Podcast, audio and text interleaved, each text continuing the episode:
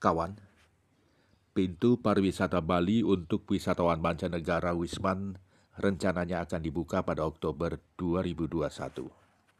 Pemerintah Provinsi Bali terus melakukan sejumlah persiapan termasuk membidik sejumlah negara yang ditargetkan berkunjung ke Pulau Dewata.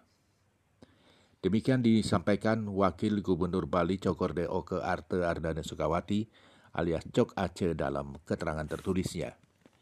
Cok Aceh menyebutkan target empat negara itu akan disesuaikan dengan regulasi yang akan dikeluarkan oleh pemerintah pusat.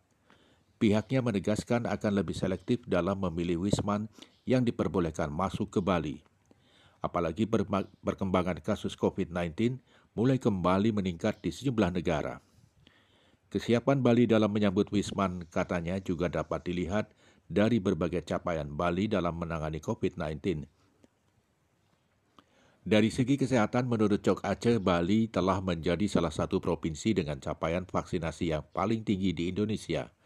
Data terakhir capaian vaksinasi di Bali sudah mencapai hampir 97 persen untuk vaksinasi dosis pertama dan lebih dari 75 persen untuk vaksinasi dosis kedua.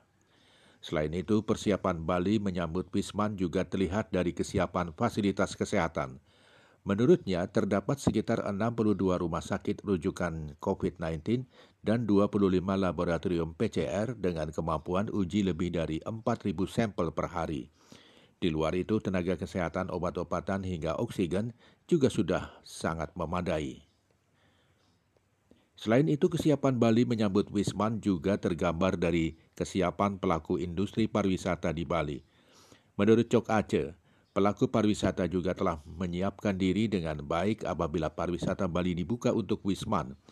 Hingga saat ini lebih dari 2.000 hotel, restoran, dan destinasi pariwisata sudah mengantungi sertifikat Clean Lines, Healthy Safety and Environment Sustainability dari Kementerian Pariwisata dan Ekonomi Kreatif.